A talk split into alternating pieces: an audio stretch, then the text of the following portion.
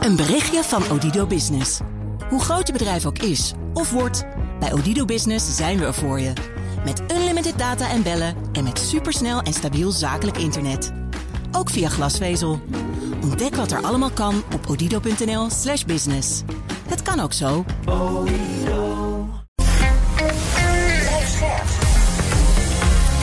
BNR Nieuwsradio. BNR breekt. Conor Klerks. Welkom bij BNR Breekt. Vanaf half twaalf praten we over het nieuws van de dag. Onder andere over Russen in Nederland. Want het IND mag nu Russen die gevlucht zijn voor de mobilisatie... terugsturen naar hun moederland. En we kijken vooruit naar het nieuwe jaar. Want er zijn een heleboel veranderingen... in zowel de beurs van werkgever als werknemeropkomst. In mijn panel vandaag Piet Rietman, lid van het dagelijkse bestuur van FNV... En Cas Opdam, data-engineer bij Debt Agency. Dat is een tech-marketingbedrijf. Welkom allebei. Dankjewel. En we beginnen met... BNR breekt.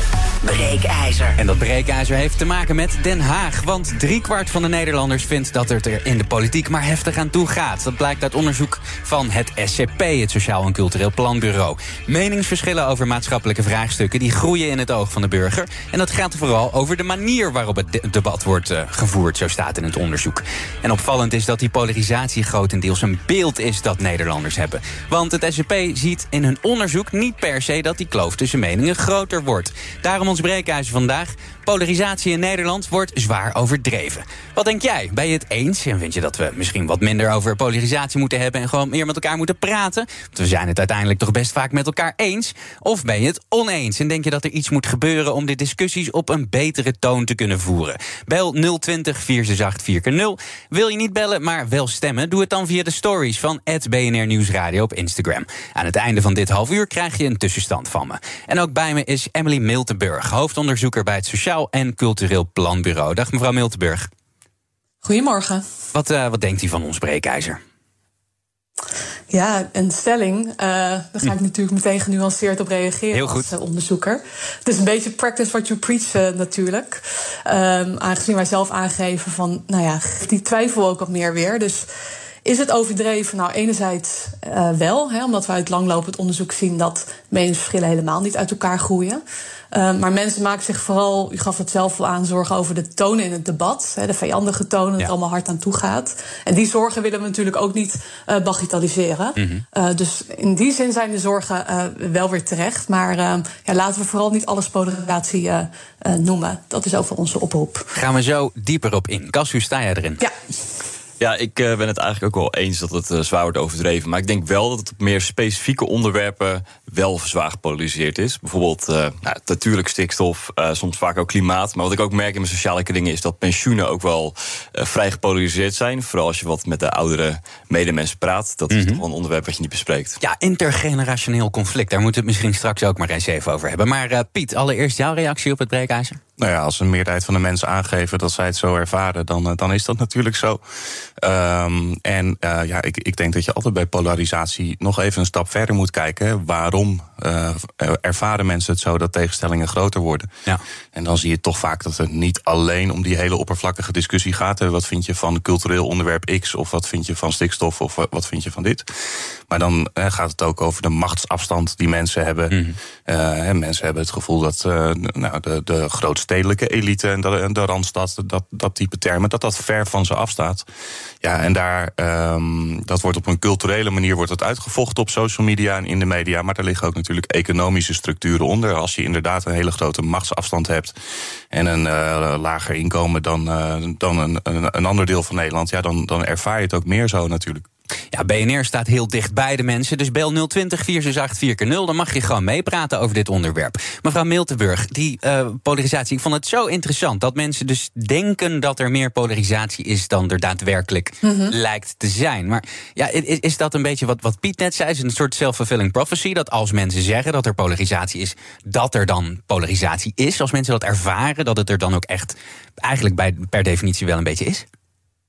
Nou, hoe vaker je het noemt, hoe vaker je het misschien ook wel gaat, uh, gaat zien natuurlijk. En het is ook wel een beetje het, uh, het modewoord nu, hè, polarisatie. Uh, Remkes noemde ook bij zijn stikstofrapport... had ja. hij het ook over de polarisatie tussen stad en platteland. Dus we zien ook wel een trend om eigenlijk elk verschil, en soms zijn die verschillen eigenlijk helemaal niet zo groot, maar heel erg aan te zetten en polarisatie te noemen. Maar we zien het wel vaker hè, dat mensen iets ervaren. Dat zie je ook in veiligheidsonderzoek. Um, alle cijfers, objectieve cijfers wijzen erop van nou, het wordt steeds veiliger in ons land. Maar ja, mensen kunnen dat heel anders uh, ervaren. En daarom zijn we dus um, ja, op zoek gaan naar het waarom. Waarom ervaren we dat zo? En dat zit gewoon heel erg in die, ja, die toon van het debat. Dat mensen dat gewoon heel hard vinden. Mm -hmm. En is er nog een verschil tussen wat uh, mensen bijvoorbeeld vinden van de toon van het debat in Den Haag en wat er gewoon op straat gebeurt, hoe mensen met elkaar omgaan? Want dat, dat is, ja, die meningsverschillen zijn natuurlijk ook een vorm van polarisatie, toch? Ja, ja, ja. Nee, dus wat je heel erg ziet is dat mensen in hun voorbeelden heel erg wijzen. Nou, ten eerste direct naar politici in Den Haag. En toch ook uh, ja, zeggen van, nou, die mensen hebben een voorbeeldfunctie. En uh, kijk eens hoe ze met elkaar, hoe ze elkaar eigenlijk de tent uitvechten. Mm -hmm. Dus dat wordt heel vaak als negatief voorbeeld uh, genoemd. Ook wel natuurlijk sociale media of, of de talkshows. Mensen zien ook wel in van, ja, dat zijn kleine groepen. Dat, dat zien ze ook wel. Soms ook wel begrip. Hè, van, nou, oké, okay, sommige groepen willen uh, gehoord worden of bepaalde achterstelling. Dat kwam net ook even aan, uh, aan bod. Hè, ja. van, uh, mensen hebben ook wel een, reden soms om, om hard te roepen. En dat willen we ook helemaal niet te niet doen. het is ook belangrijk dat stemmen gehoord worden. Alleen, ja, onze boodschap is dus ook echt een hele grote middengroep. Men heeft het wel eens over de zwijgende meerderheid. En die is er ook gewoon. En die, die verdwijnt wel heel erg buiten beeld soms. Piet? Ja, kijk, dat is een mooi onderscheid. Hè? Van je, je kunt eigenlijk op de vorm, uh, en dat blijkt ook uit dit onderzoek natuurlijk. Je kunt op de vorm uh, kun je hard zijn en op de inhoud kun je hard zijn. En natuurlijk is het niet goed om elkaar van rotte vis uit te maken. Maar ja, een voorbeeld te noemen. Ik ben voor minder inkomens- en vermogensongelijkheid in Nederland. Ik wil graag dat politici uh, de, daar harde keuzes in maken. En dat ze dan niet uh, voor een procentje meer of minder kiezen. Maar een, een, duidelijk en herkenbaar verhaal hebben. Dat dus op de inhoud polariserend is tegenover partijen of tegen werkgevers die er anders over denken. En we gaan naar de eerste. Ja, en dat is ook oh, sorry, prima. Nee. Zeg maar, ja, mevrouw Mellenburg, sorry. Nee, dat is, ook, dat is ook helemaal prima om uh, inderdaad op het scherpst van de snede dat inhoudelijke debat uh, te voeren. Dus dat is eigenlijk ook wat we zeggen van vermijd die vijandige toon. Maar precies wat net gezegd werd, uh, zorg dat die inhoud centraal komt. Want daar, ja, daar leren we het meeste van. En daar komt ook de meeste maatschappelijke vooruitgang van. En laat elkaar uitpraten, dat is dan een les voor mij. We gaan naar meneer Huigens, onze eerste beller. Goedemorgen, meneer Huigens. Ja, goedemorgen. Polarisatie is er wel degelijk, maar het wordt niet gezien. En in mijn ogen is, uh, speelt er al een heel poosje. Mm -hmm. uh, het is denk ik begonnen met de belastingkwestie uh, van de toeslagen. Oké. Okay. Degene die ermee te maken had, ja, ze het is schandalig. Maar van officiële zijde werd het niet erkend, er was niks mis. En bijvoorbeeld met de gaslevering Groningen... He, als je ver weg woont, nou, we kunnen best doorgaan met gas leveren of meevallen. Terwijl ter plekke daar heel anders over wordt gedacht. Dus er is wel zeker polarisatie, maar het wordt niet gezien. Dus er moet de, de besprekingen moeten beter gaan. En uh, uh, het kabinet moet niet de deur dichtgooien als je 51% hebt. Er moet, uh, er moet gesproken worden met de hele Kamer. En dat is ook mis. Dank u wel, meneer Huigens. Mevrouw Miltenburg, wat vindt u van de argumenten van meneer Huigens? Ja, ik, ik snap de argumenten goed en ook het geluid goed. Maar in feite gaat dit over ontevredenheid hè, met mm -hmm. Uh, ja, Den Haag uh, functioneert.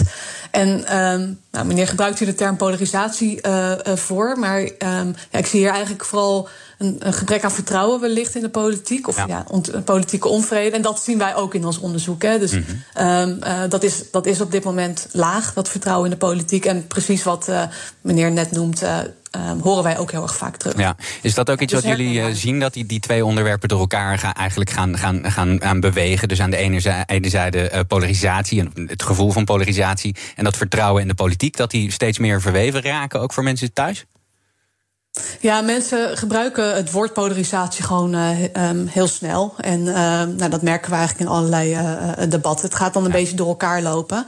maar die harde toon um, in Den Haag, dus wat mensen ook wel zien als heel exemplarisch voor polarisatie, dat komt dan ook wel weer vaak terug als reden waarom mensen een laag rapportcijfer geven voor ja. de regering. Want ook dat vragen we ze toe te lichten. Dus in die zin loopt het ook wel door elkaar heen. Ja, ja we zagen net twee toch wel polariserende onderwerpen, denk ik, waar meneer Huigens mee kwam aan de ene kant uh, de toeslagenaffaire en natuurlijk ook uh, Groningen. Zijn dat ook onderwerpen die in jullie onderzoek naar voren zijn gekomen?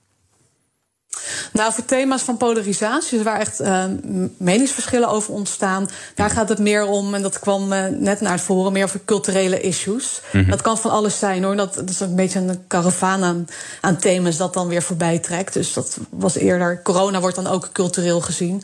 Uh, dat gaat over het vaccineren, maar dat wordt dan nu weer stikstof of discussies over gender. Ja. de toeslagenaffaire in Groningen horen we ook heel erg veel terug, maar dus vooral in relatie tot waarom mensen de politiek een bepaald cijfer geven. En uh, nou ja, tegenwoordig dus uh, best een laag cijfer. Ja, ja, en die coronacrisis, dat was natuurlijk een, een, een polariserend onderwerp. Uh, puur sang, zeker. we hadden het daar vanmorgen met u over in de ochtendspitsen.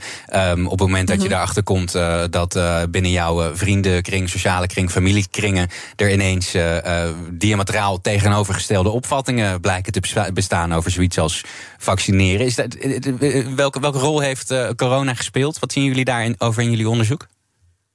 Ja, daar zijn we met mensen over in gesprek gegaan. Want we vonden het dus wel interessant. Hè, van, uh, nou, mensen noemen vooral media en politiek. Speelt het dan helemaal niet in uw persoonlijk leven? Nou, hm. meestal niet. Uh, tenzij uh, issues men persoonlijk raakt. En dat kan ook wel iets anders dan corona zijn. Maar corona werd eigenlijk altijd uh, wel genoemd als de grote uitzondering. Van ja, dat kwam eigenlijk voor iedereen wel uh, dichtbij. En mensen zeggen ook al van ja, ik wist niet dat dat kon. Hè, dat mensen zo tegenover elkaar konden staan. En ook ja. wel enige opluchting in de gesprekken die wij in het najaar hebben gevoerd. Dat mensen zeiden, nou, pff, het lijkt nu wel eventjes uh, weer voorbij te zijn. Want ja, mensen houden gewoon niet van politiek conflict. Ze hebben wel leukere zaken om over te praten. Dus, ja, misschien na twee jaar weer een, keer een kerstdiner zonder, zonder het over vaccinaties te hoeven hebben. Nou, precies. En mensen vermijden gesprekken over politiek eigenlijk gewoon uh, uh, heel erg graag. Uh, dus in de persoonlijke kring moet daarbij gezegd worden. Dus ja, nee, dat is zeker zo. BNR breekt. Connor Klerks.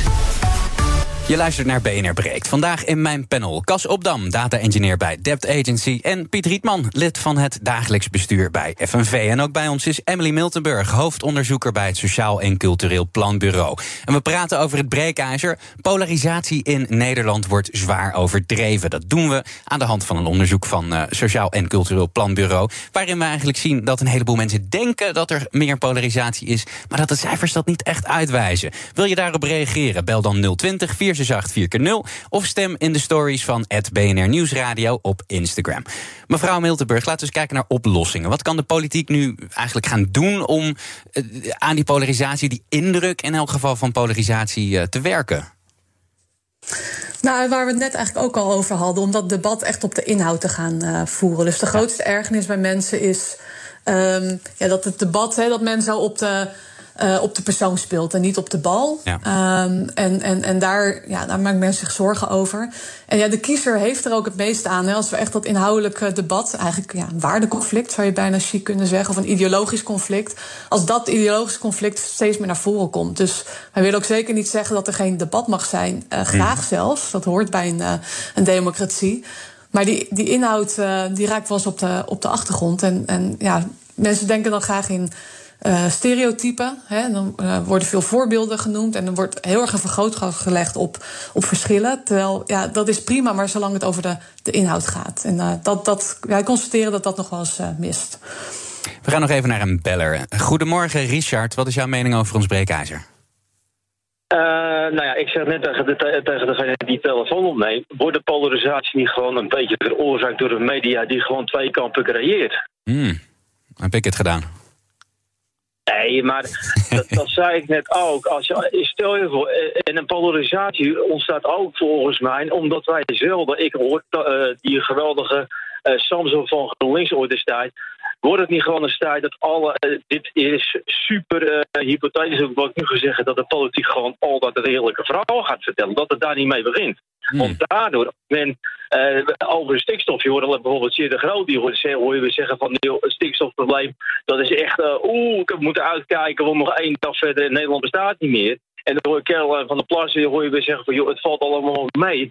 Dus zo krijgen die polarisatie. Een staat achter Thierry de Groot, de andere staat achter, achter mevrouw van der Plas. En dat is hetzelfde met klimaat. Maar zolang wij niet het eerlijke verhaal horen, zoals altijd, zoals dat al 75 jaar gaat, ja, dan moet je er niet raar voor opkijken dat je een tweedeling krijgt.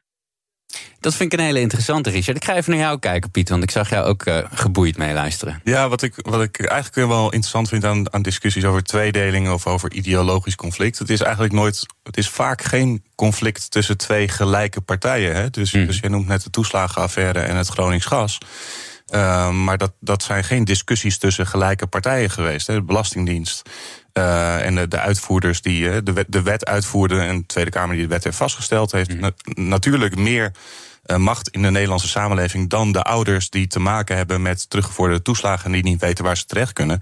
Die zijn eigenlijk uh, ja, door een systeem in de mangel genomen. En ja, hetzelfde geldt voor het Gronings gas. Mm -hmm. uh, dus ik snap als je daar de onderliggende partij bent dan, en, en je hebt heel weinig middelen om iets aan je situatie te doen. En het enige dat je eigenlijk kunt doen is protesteren en gewoon met het gesproken woord je verzetten. In plaats van met maatregelen tegengewerkt worden. Wat dus uit Den Haag gebeurt. Maar die mensen reageren erop door in de media te zeggen, of op social media te zeggen: ik vind er dit of dat van. En dat is dan hun enige mogelijkheid. En ik denk dat we dan ook niet uh, te veel op slakken zouden moeten leggen door te zeggen: van uh, ja, maar je gebruikt de verkeerde toon. Hmm. En Cas, iets anders wat Richard uh, zei. Hij haalde politieke partijen, uh, politici eigenlijk aan... Hè, die, die, die lijnrecht tegenover elkaar staan. De waarheid die zou dan in het midden kunnen liggen... maar soms is dat gewoon niet zo. Wat moet je daar eigenlijk als burger mee? Als je uh, zegt, aan de ene kant heb je een... ik ga het eventjes zwaar overdrijven. Je hebt aan de ene kant heb je een partij die zegt... de aarde is plat. En aan de andere kant heb je een partij die zegt... de aarde is rond. Nou, allebei gekozen. Allebei dus recht van spreken in de Tweede Kamer. Ja, dat is is wel iets totaal anders. Wat moet je daar als burger mee? Ik zou ze veel kritischer bevragen als, als burger. Ik bedoel, wat je zag ook tijdens de coronacrisis... is dat de communicatie van politici gewoon nogal vaag blijft... of niet helemaal transparant. En ik denk als we stoppen met de hele tijd... met een bepaald standpunt innemen wat lekker ligt in de media... maar gewoon iets transparant gaan communiceren over waarom ze keuzes maken... wat je vaak nu niet hoort... Uh, dat je dan al een deel van de zogezegde polarisatie oplost. Mevrouw Miltenburg, Richard wil het eerlijke verhaal. Maar is dat er als je gewoon uh, politici hebt met zulke wijd uiteenlopende opvattingen? Nou, dat is, ja, dat is op zich helemaal prima. Daarom, daarom kiezen we ook. Uh, we hebben heel ja. veel partijen die denken allemaal anders over zaken. Um, dus het is prima ook rondom om stikstof dat dat debat uh, wordt gevoerd. Alleen wij zeggen, ja, speel dan niet op de persoon. En um, ja, vermijd die vijandige toon. Tegelijkertijd, en dat kwam net ook wel aan bod, hè, we snappen ook echt heel goed dat bepaalde groepen de media opzoeken. En dat de media ook dat podium bieden. Ik denk mm. dat, dat belangrijk is. Hè, dat mensen gewoon gehoord en gezien en gerespecteerd willen worden. En het lijkt soms ook wel dat Nederlanders soms een beetje moeten wennen aan ook nieuwe geluiden. Hè. We hebben nieuwe, er komen altijd nieuwe thema's op. Uh, bepaalde minderheidsgroepen gaan uh, ook terugpraten. Dus het is ja. inderdaad verhit. En dat on, on, uh, ontkennen wij ook niet. Um, maar zolang daar gewoon een uitwisseling van inhoudelijke argumenten onder ligt, nou, dat kan je het, het eerlijke verhaal noemen. Dan, en dan is dat prima. En waar net het voorbeeld over nou, mensen die de aarde plat vindt of niet. Hè, dat is heel erg gechargeerd natuurlijk. Ja, dat, ja, wij noemen dat dan weer feitenpolarisatie met een mm -hmm. mooi woord. Ja, dan het wordt wel natuurlijk lastig als mensen een hele andere perceptie hebben van uh, de werkelijkheid en bepaalde nou ja, basiswetten, basisnatuurwetten, laat ik het zo zeggen. Uh, dus daar, uh, daar zien we ook nog wel een gevaar in. Nu is dat in Nederland nog, nog niet zo erg. Maar ja, door het bij de feiten en de inhoud te houden en daarover eens te zijn, en dan mag het, het mag best wel knetteren. Dat, daar is niks mis mee. Ja. En denkt u dat de, de, de perceptie van polarisatie ook wordt beïnvloed door de manier waarop wij nu media? Je zou bij wijze van spreken, um, als jij zeven dagen per week het nieuws volgt, dan hoor je zoveel verschillende standpunten. Dan kun je zes dagen opwinden. Maar als je maar één keer per week de krant leest, dan denk je, ja, zo zit het. Ja, ja dus u bedoelt, als er meer consumptie is, dat dat ja. misschien een, uh, cacophonie aan geluiden uh, geeft. Nou, dat zou kunnen, dat noemen mensen ook wel. Mensen beseffen zich ook wel hoor, van dat het kleine groepen zijn, dat ze alleen de uiterste uh, zien. Maar ja, bij Foxpopjes hoor je niet zo heel vaak de middengroepen van mensen zeggen: Nou ja, dat weet ik eigenlijk niet. Of, mm. Uh, moet ik nog even over nadenken. Of, uh, nou, en dat, ik snap ook wel dat dat niet altijd interessant is om, om naar te luisteren. Het is natuurlijk ook een bepaald entertainmentgehalte. Ja, daar, zit, daar um, ligt wel een duidelijke taak voor ja. de media. Die, uh, die wil ik wel, uh, wel meenemen. Nou, dat is fijn. Gaan we nog even naar een beller. Cecile, goedemorgen. Wat is je mening over ons breekijzer? Goedemorgen. Ja, ik heb het idee dat het allemaal meevalt. Vooral onder de mensen. Mm -hmm. En dan wordt er gezegd, de SCP komt uh, met, het, met dit verhaal. En dat zie je dan in het nieuws op tv, waar ik dan toch maar altijd eventjes naar kijk. Uh, dat in de eerste plaats geen cijfers. In de tweede plaats, uh, wat brengen ze in beeld? En dat veroorzaakt juist polarisatie. Dan laten ze één politieke partij bepaalde politici en zelfs een naam wordt genoemd, bijvoorbeeld een Thierry Baudet, of je het met die man eens bent of niet. Maar dan veroorzaakt de media de polarisatie. Snap je? En ik vind BNN dan wel meevallen, want die heeft nog wel, die heeft in ieder geval nog een, een inmeldmogelijkheid, dat de burgers zelf kunnen vertellen wat ze ervan vinden. Maar ik vind het kwalijk dat uh, de nieuwsuitzendingen dan komen met weer één bepaalde partij die zwart gemaakt wordt. Nou, wat doe je? Ja, polariseren. Dank u wel, Cecile. Cas, wat vind je daarvan? Ik ben het eigenlijk grotendeels mee eens. Want uh, je ziet gewoon dat. Uh, dat, dat ja, wat, wat, wat is nou eigenlijk de rol van de media in deze discussie? Mm -hmm. Die hoor je niet echt in dit onderzoek.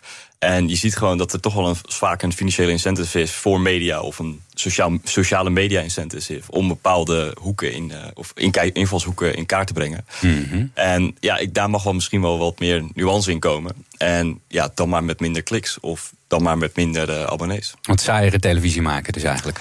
Ja, ja, want het loopt nu wel vrij uit de hand soms. En dan noem ik, niet, dan noem ik misschien specifiek nu Amerika, maar in Nederland valt het dan wel mee. Maar het is wel iets waar je voor moet waken, zou ik zeggen. Piet, jij volgt uh, ook al geruime tijd het nieuws. Zie je uh, veranderen? Lijken we steeds meer op Amerika?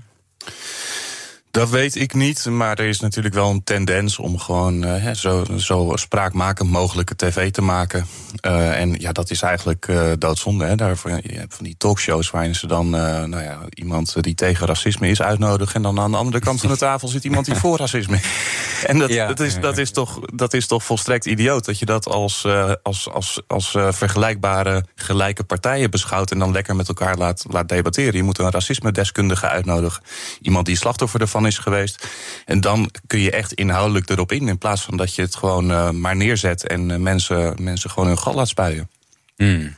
Mevrouw Miltenburg, uh, laat ik uh, bij u afsluiten. Heeft u er nog een beetje fiducie in dat het goed komt met die polarisatie in Nederland? Ja, nee, zeker. En zo erg als in de Verenigde Staten is het, uh, is het in Nederland zeker niet. Het heeft ook heel erg te maken met ons kiesstelsel. Hè. We mm. hebben die twee partijen. Um, en um, uh, dus daar hoeven we niet zoveel zorgen over te maken. En ik sluit me helemaal aan uh, wat hier uh, voorafgaand is gezegd. Dat we nou, dat inhoudelijke gesprek moeten gaan voeren. En ook wel dat mensen misschien ook niet te allergisch moeten zijn voor af en toe een, een felle uiting in zit uh, in het debat. Dus dat, he, dat lijkt tegenstrijdig, maar dat zagen we toch wel heel vaak terug in de gesprekken. Dat mensen het eigenlijk helemaal niet over de inhoud ging, maar over de vorm. Dan zeiden, nou moet dit nou zo? Dan hebben ze het over drammers heel vaak. Mm. En aan de andere kant van het spectrum zit dat dan. Um, terwijl ja, de, de, de drammers zitten bij. nooit in de eigen kring, hè? Het is nooit in de eigen nee, het eigen is altijd, uh, nee, dat uh, polarisatie zien ze vaak, uh, vaak elders. En dan wordt er zowel over wappies als wokies gesproken. en ja, hou er wel rekening mee dat, dat dat er ook een beetje bij hoort. Want ja, maatschappelijke vooruitgang komt wel door nou, af en toe knuppel een beetje in het hoenok uh, te gooien. Maar luister dan ook wel welke maatschappijkritiek uh, daaronder zit. En uh, daar hebben we allemaal een, een, aandeel in, denk ik. Heel veel dank, Emily Miltenburg, hoofdonderzoeker bij het Sociaal en Cultureel Planbureau. Op Instagram kun je nog de hele dag stemmen, maar ik had een tussenstand beloofd. Dus die krijg je. Ook daar is het gepolariseerd. 37% is het eens met ons breekijzer. Polarisatie in Nederland wordt zwaar overdreven. Maar 63% is het oneens. Zometeen bespreken we het nieuwe jaar want daar zijn we bijna. En er gaan een heleboel dingen veranderen voor zowel werkgever als werknemer. We praten over Tikkie, want die draait een topjaar met 5,5 miljard euro aan transacties. En ja, oliebollen met espresso martini, want fuck it, het was een raar jaar. Dat allemaal zo in BNR. Een berichtje van Odido Business. Hoe groot je bedrijf ook is of wordt, bij Odido Business zijn we er voor je. Met unlimited data en bellen en met supersnel en stabiel zakelijk internet. Ook via glasvezel. Ontdek wat er allemaal kan op odido.nl/slash business. Het kan ook zo. Daden zijn duurzamer dan woorden. Bij PwC geloven we dat de uitdagingen van de toekomst vragen om een ander perspectief. Door deze uitdagingen van alle kanten te bekijken, komen we samen tot duurzame oplossingen. Zo zetten we duurzaamheidsambities om in acties die ertoe doen. Ga naar pwc.nl. BNR Nieuwsradio. BNR breekt. Conor Klerks. Jawel, het tweede half uur van BNR breekt. Met in mijn panel vandaag Cas Opdam, data-engineer bij Debt Agency... en Piet Rietman, lid van het dagelijks bestuur bij vakbond FNV. We gaan het hebben over het nieuws van de dag. Want het nieuwe jaar staat om de hoek en in dat nieuwe jaar... krijgen we ook nieuwe wetten en regels voor ondernemers. Zo gaat de belasting flink omhoog, moeten bedrijven meer verduurzamen... en stijgt het minimumloon met 10% Het lijkt er, met name met deze fiscale veranderingen op... dat ondernemers wat meer moeten gaan opdraaien voor het kostenplaatje. En dat klopt ook wel een beetje, zegt Gerard Meusje, hoogleraar belastingrecht aan de Radboud Universiteit. Voor eh, de inkomstenbelastingondernemers wordt uh, de zelfstandige aftrek in versneld tempo afgebouwd. Die is nu nog 6.310 en die gaat volgend jaar naar 5.030. En dan komt die in 2027 uit op 900 euro. Dat is eigenlijk bijna niks meer. Dat is natuurlijk doelbewust door het kabinet gedaan om het verschil tussen zeg maar, ondernemers en loontrekkenden te verkleinen. Ja, ik denk dat de achtergrond natuurlijk ook wel een beetje is om eh, de schijnzelfstandigheid te bestrijden. Kas, vind je terecht dat de ondernemer wat meer moet gaan afrekenen? Ja, zeker. Want uh, als je kijkt naar de afgelopen 20 jaar, dan zie je dat uh, bedrijven uh, meer belastingvoordelen hebben gehad dan werkenden. Integendeel, de, de werkbelasting is omhoog gegaan en de vermogensbelasting is altijd, nou, is zelfs in de afgelopen 20 jaar gedaald. Dus ja, ik ben het er eigenlijk wel mee eens. Hele grote verrassing. Piet Rietman van FNV, wat, wat denk jij? Ja, het gaat mij uh, niet ver genoeg. Hè.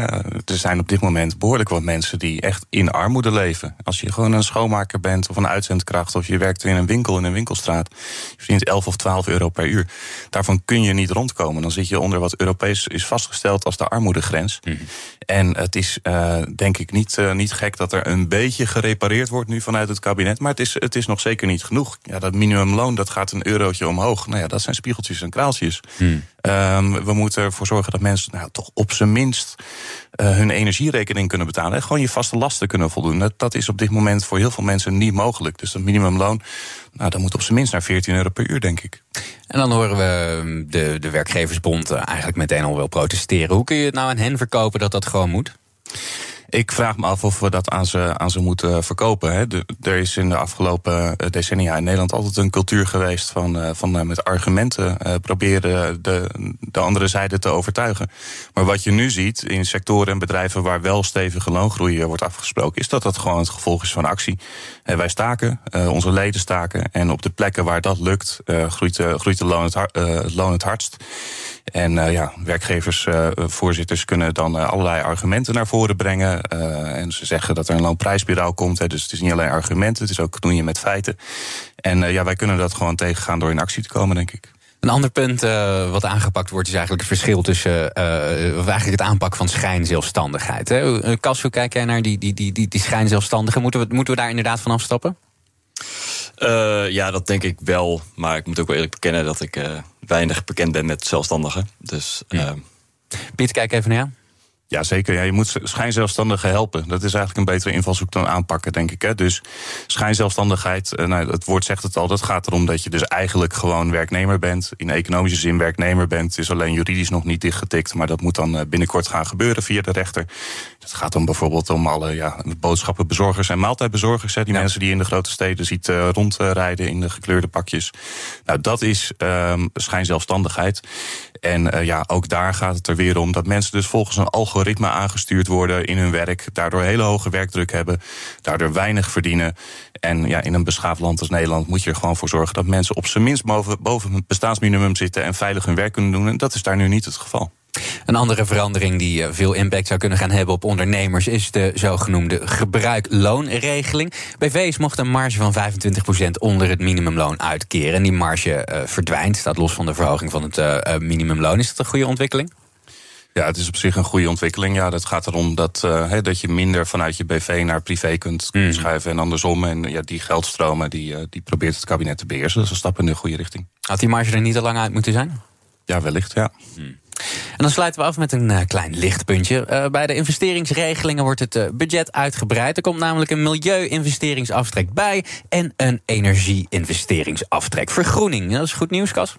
Ja, zeker. Je zag het al uh, bij de, in, de, in de brede Europese Unie met de emissiehandelingen uh, en uit, uithandelingen. Mm. En ik denk dat als we dat nu ook op nationaal niveau gaan, gaan regelen, dat dat alleen maar bijdraagt aan het verminderen van CO2-uitstoot.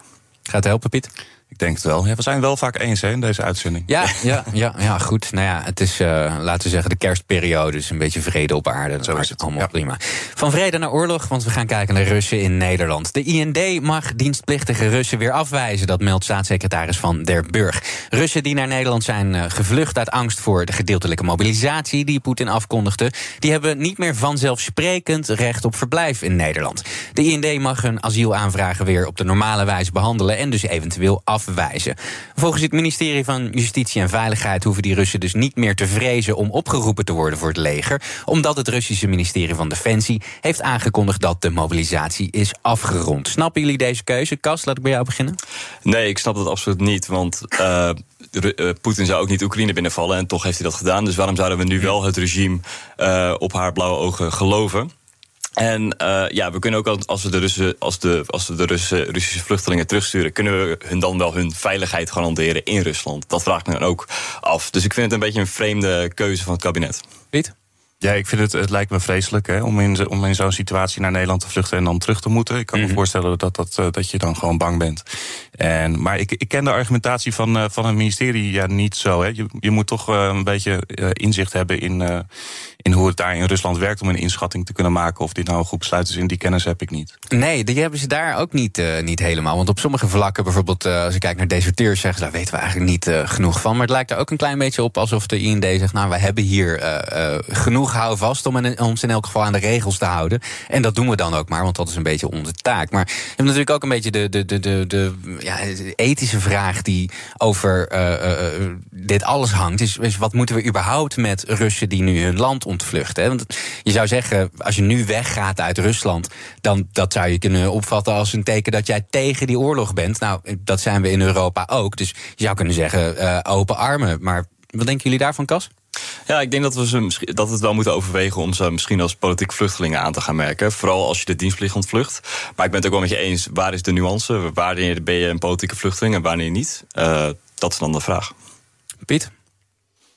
Ja, uh, ik, ik, durf er zo weinig over te zeggen. Want mm. het is echt iets, uh, dat is een, een, vak op zich. Uh, hoe je omgaat met, met immigratie. En welke afwegingen daar een rol bij spelen, die ken ik ook niet allemaal. Een berichtje van Odido Business. Hoe groot je bedrijf ook is of wordt, bij Odido Business zijn we er voor je. Met unlimited data en bellen en met supersnel en stabiel zakelijk internet. Ook via glasvezel. Ontdek wat er allemaal kan op odido.nl/slash business. Het kan ook zo. Daden zijn duurzamer dan woorden. Bij PwC geloven we dat de uitdagingen van de toekomst vragen om een ander perspectief. Door deze uitdagingen van alle kanten te bekijken, komen we samen tot duurzame oplossingen. Zo zetten we duurzaamheidsambities om in acties die ertoe doen. Ga naar pwc.nl. BNR breekt. En tot die tijd uh, gewoon BNR breekt met mijn panel vandaag. Cas Opdam, data-engineer bij Debt Agency... en Piet Rietman, lid van het dagelijks bestuur van FNV. Gaan we eens even kijken naar wat er trending is op de socials. Hashtag coronatest is weer trending. Met ingang van volgend jaar moeten Chinezen namelijk een coronatest doen als ze Amerika in willen. India, Japan en Italië gingen de VS al voor. De maatregeling eh, komt na de versoepeling van de coronarestricties in China. Daar is het virus nu enorm op huis aan te houden. Het aantal besmettingen is fors opgelopen. Ook onze eigen Nederlandse viroloog Ab Osterhaus... die zegt dat een verplichte negatieve coronatest voor reizigers uit China... een goed idee zou zijn, mits die maatregel voor heel Europa gaat gelden. En ook dit staat hoog in de lijstjes. Jawel, hashtag vuurwerk. En dan vooral vuurwerk uit Duitsland. Veel mensen gaan de grens over om een vuurwerk inkopen te doen. Nederlanders staan massaal in de rij om de mooiste pijl te bemachtigen. En de gouden combinatie is misschien wel gemaakt. Hashtag espresso martini bol is trending. De Esma bol die eh, vliegt over de toonbank bij de oliebol experts in Den Haag. En hoe ze die maken? We doen espresso martini door de vulling heen. En uh, die laten we dan opstijven totdat het een goede dikke crème is geworden. En uh, die toppen we dan af met een pipetje van uh, espresso martini. Ja, het schijnt een regelrechte hit te zijn. Mensen rijden er zelfs voor om. Maar na zes bollen kan je beter niet meer in de auto stappen, grapt de eigenaar van de oliebollenkraam. Nou, een Esma bol, jongens, zeg maar. Kas, is dat iets voor jou? Nee, zeker niet. Nee.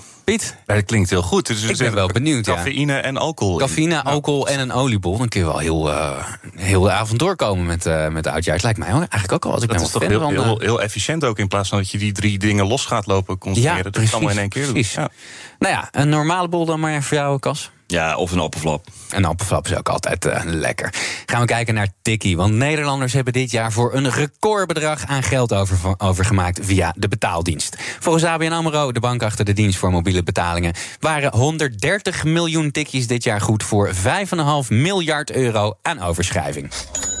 En daarmee laat 2022 het record van 2021 ver achter zich. Toen zaten we nog op ruim 100 miljoen tikkies met 4,2 miljard euro. Ja, een tikkie die wordt het vaakst verstuurd voor uitgevens uh, voor de lunch, hoorden we vanmorgen, voor eten en uh, voor de borrels. En de populairste dag was uh, tijdens ne Nederland-Ecuador. Toen zijn er ongelooflijk veel tikkies verstuurd voor kratjes bier en andere feestaangelegenheden voor, ja, al dat, al dat voetballen. Gebruiken jullie de tikkie-app eigenlijk veel? Ja, maar wel de, de implementatie van mijn eigen bankieren-app. Nou ja, dat heb ik ook al een beetje. Ja, nee, ik gebruik, ja, ik, uh, ik stuur tikkies die, uh, die worden niet altijd betaald. Maar de oh, ja. die ik krijg, ja, dat is allemaal keurig geregeld. Wat is het, uh, het hoogste tikje dat je ooit verstuurd hebt, Piet? Weet je dat? Oh, dat durf ik niet te zeggen, nee. Kas?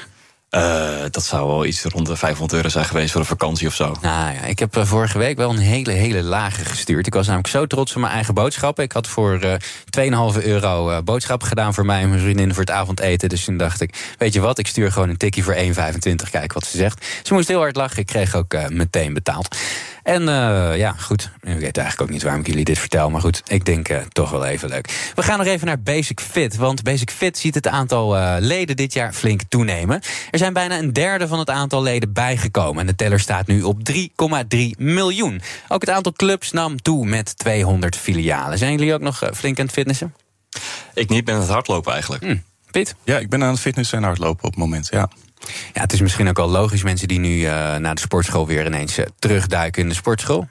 Ja, toch? Ja, maar je moet er nu nog even bij zijn. Het is nu nog een paar dagen niet druk in de sportschool. En straks ah, komen die goede voornemens weer. Oh ja, dan heb je altijd die maand waarbij het uh, hartstikke, hartstikke druk is, hè? Ja, en mensen die dan eigenlijk niet weten hoe ze die oefeningen moeten doen. En die zijn dan in februari weer weg. Ja, hardlopen wat dat betreft heb je daar geen last van, uh, Kas? Nee, en dat is eigenlijk ook de reden waarom ik het doe. Je, je hebt van niemand last. Je kan je eigen tempo bepalen. En uh, je bent gewoon lekker buiten. Dus uh, dat is eigenlijk mijn, uh, mijn voornaamste reden dat ik hardloop. Hmm. En die, die markt, die Basic Fit, ik heb het idee dat die wel heel erg groot aan het, zijn, aan het raken zijn. We moeten bang zijn voor een sportschool monopolie? Geen idee. Nee, Geen idee. Niet ik veel. Ja. Uh, ik kijk even naar mijn regisseur, want ik denk dat we hier een klokje verkeerd hebben staan. Anders moeten we er wel heel vroeg uit. Um, of we moeten het nog eventjes gaan hebben over eh, LNG. Piet, uh, vanmorgen nieuws dat Duits energieconcern RWE voor 15 jaar een contract voor LNG uit de VS hebben gesloten. Dat is natuurlijk al een, een heet hangijzer wat we de komende jaren gaan zien. Is hoe krijgen we de gasopslagvolging gisteren heel breed erover. Is het handig, denk je, dat Duitsland nu zo voor de troepen uitloopt? Want die zijn heel erg bezig, heb ik het idee, om hun eigen markt gewoon veilig te stellen. Terwijl je ook zou kunnen zeggen, dit, dit kun je in het Europees verband misschien beter gaan afspreken. Ja, volgens mij, uh, volgens mij doen we het allebei. Hmm. Uh, dus in Europees verband worden afspraken gemaakt en landen zijn voor zichzelf uh, zo goed mogelijk alles aan het regelen. En weet je, ik denk dat het in ieder geval goed is dat we met z'n allen praten in, in, in maatschappelijk verband over de energievoorziening. Mhm. Dat we niet alleen maar zien als iets dat de markt oplost, maar dat we ook snappen dat er een collectief belang is. En uh, ja, weet je, je moet eigenlijk gewoon publieke voorzieningen die zo essentieel zijn uh, voor ons uh, welzijn, die moet je eigenlijk in publieke handen hebben natuurlijk. Dan kun je op een moment dat er een crisis is ook veel sneller reageren. Ja, dat is allemaal de afgelopen decennia verzelfstandigd. En nu merken we hoe, hoe lastig dat eigenlijk voor ons is. Mm Ja, Cas, we gaan dus nu concurreren met, met buurlanden voor een deel. Hè. Duitsland is nu voor 15 jaar uh, zeker van een grote lading uit de, de, Verenigde Staten. Ondertussen zijn ze ook naar Qatar geweest. Um, is, maakt het voor jou uit op het moment dat je zo'n crisis hebt? En we, we, zien dat het nieuws is eigenlijk, de, uh, hoorden we gisteren Marjan van Loon van Shell Nederland zeggen. Er is een reëel kans dat nu dat de Russische pijpleidingen dicht blijven. Dat we volgend jaar die opslag niet meer gevuld krijgen. Is het dan tegen elke prijs uit de VS halen? Of moeten we ook naar landen waar we wat minder fan van zijn? Ik noem een Qatar kijken. Ik denk op de korte termijn van wel. Uh, je hebt eigenlijk geen andere keuze om ergens je energie vandaan te halen. En ja, de connecties zijn er immers nou eenmaal. Uh, maar ik denk wel dat we uiteindelijk inderdaad naar een Europese aanpak moeten. Wat we ook hebben gedaan met vaccinaties, waar we eigenlijk met de hele Unie uh, vaccinaties hebben ingekocht. Dat ja. zouden we eigenlijk ook moeten doen met LNG. En aan een verdeelsleutel moeten we dat dan gaan verdelen onder de lidstaten. en ook hopelijk dan met het bedrijfsleven. Ja, dat is een goede parallel ook, vind ik, eh, dat je trekt. Dus in een crisis komen we steeds achter dat we toch dingen samen moeten oplossen en dat de overheid moet ingrijpen. Ja. Dus financiële crisis, oh, we nationaliseren een bank. Oh, coronacrisis, oh, we moeten eigenlijk een gezamenlijke vaccinaanpak hebben. En nu een energiecrisis, oh ja, we hebben gezamenlijk beleid nodig. Maar dan ben je dus eigenlijk al te laat. Je moet, denk ik, rekening mee houden dat er af en toe op een bepaald vlak een crisis is.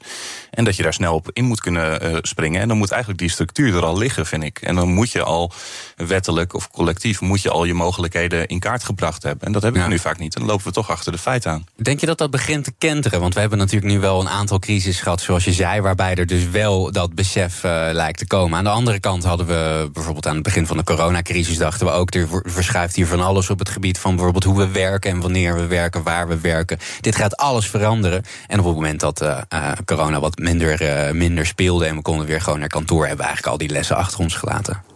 Ja, dat denk ik ook. Hè. Dus die denkt bij een crisis altijd dat alles verandert en dan blijkt dat mee te vallen. Maar, maar puur het element van oké, hoe bescherm je eigenlijk mensen in een crisis? Daar valt me steeds op bij elke crisis dat we te laat zijn. Hè. In, ja. in Nederland ook van een, die energiecrisis leidt tot een koopkrachtcrisis. Nou, het heeft wel, die inflatie is bijna een jaar lang uh, boven gemiddeld geweest voordat de koopkrachtmaatregelen vanuit het kabinet kwamen. En dat, dat ja. laat ook zien dat we dus te weinig instrumenten hebben om te sturen eigenlijk. Wat zou je daaraan kunnen doen? Ja, je, je, moet het dak repareren als de zon schijnt. Hè. Dus als er een keer geen crisis is, ja, ook trouwens in een crisis, maar je zou altijd moeten opletten van oké, okay, wat zijn nou uh, manieren waarop wij burgers kunnen beschermen op een moment dat er een crisis uitbreekt. En ja, ja weet je, als uh, een crisis ertoe leidt dat je meteen al in de problemen zit, dan was je situatie in de eerste, eerste plaats al niet goed. En nou ja, een koopkrachtcrisis, uh, nou, ik zal niet mijn stokpraatjes hier bereiden, maar die kun je voorkomen door ervoor te zorgen dat er in eerste instantie al een hoger loonniveau is, zodat mensen een tegenslag kunnen opvangen. Ja, en hetzelfde geldt voor andere crisis. Ja, dat, uh, dat denk ik ook. Als je kijkt naar um, hoe. Uh, we hebben natuurlijk nu al twaalf jaar zo ongeveer een regering onder Mark Rutte. Groot interview vandaag ook in het FD, waarin hij eigenlijk zegt: Nederland, tof land. Maar ja, dat zegt hij ook al twaalf jaar. Is het, is het te verwachten dat. Kas, kijk even naar jou. Dat deze regering, die erg veel lijkt op de vorige regering. ook echt nu met deze lessen aan de gang gaat. Want het is niet echt. Het is wel de regering die de portemonnee trekt uh, als het dak uh, uh, lekt, om uh, Piets metafoor even te, te lenen. Maar we hebben niet heel veel visie gezien van deze mensen, toch? Nee, en ik denk ook niet dat uh, deze concrete of fundamentele problemen hard gaan aanpakken middels uh, een visie of een goed idee. Dus nee, ik heb er weinig vertrouwen in na twaalf jaar uh, kabinetten Rutte. ook omdat er, omdat, omdat al zoveel hete aardappelen zijn doorgeschoven. En dat er blijkbaar geen incentive is om het nu een keer deze hete aardappel koud te maken. Nou, tot zover met deze zeer opbeurende uh, boodschappen uh, BNR breekt voor vandaag. Veel dank aan mijn panelleden Piet Rietman, lid van het dagelijks bestuur van FNV... en Cas Opdam, data-engineer bij Debt Agency. Morgen is BNR breekt er weer, de laatste keer dit jaar. En tot die tijd volg je BNR via de socials, zoals YouTube, Instagram en Twitter. Zometeen BNR Zaken doen met Thomas van Zel. Tot... Een berichtje van Odido Business. Hoe groot je bedrijf ook is of wordt... Bij Odido Business zijn we er voor je. Met unlimited data en bellen en met supersnel en stabiel zakelijk internet. Ook via glasvezel.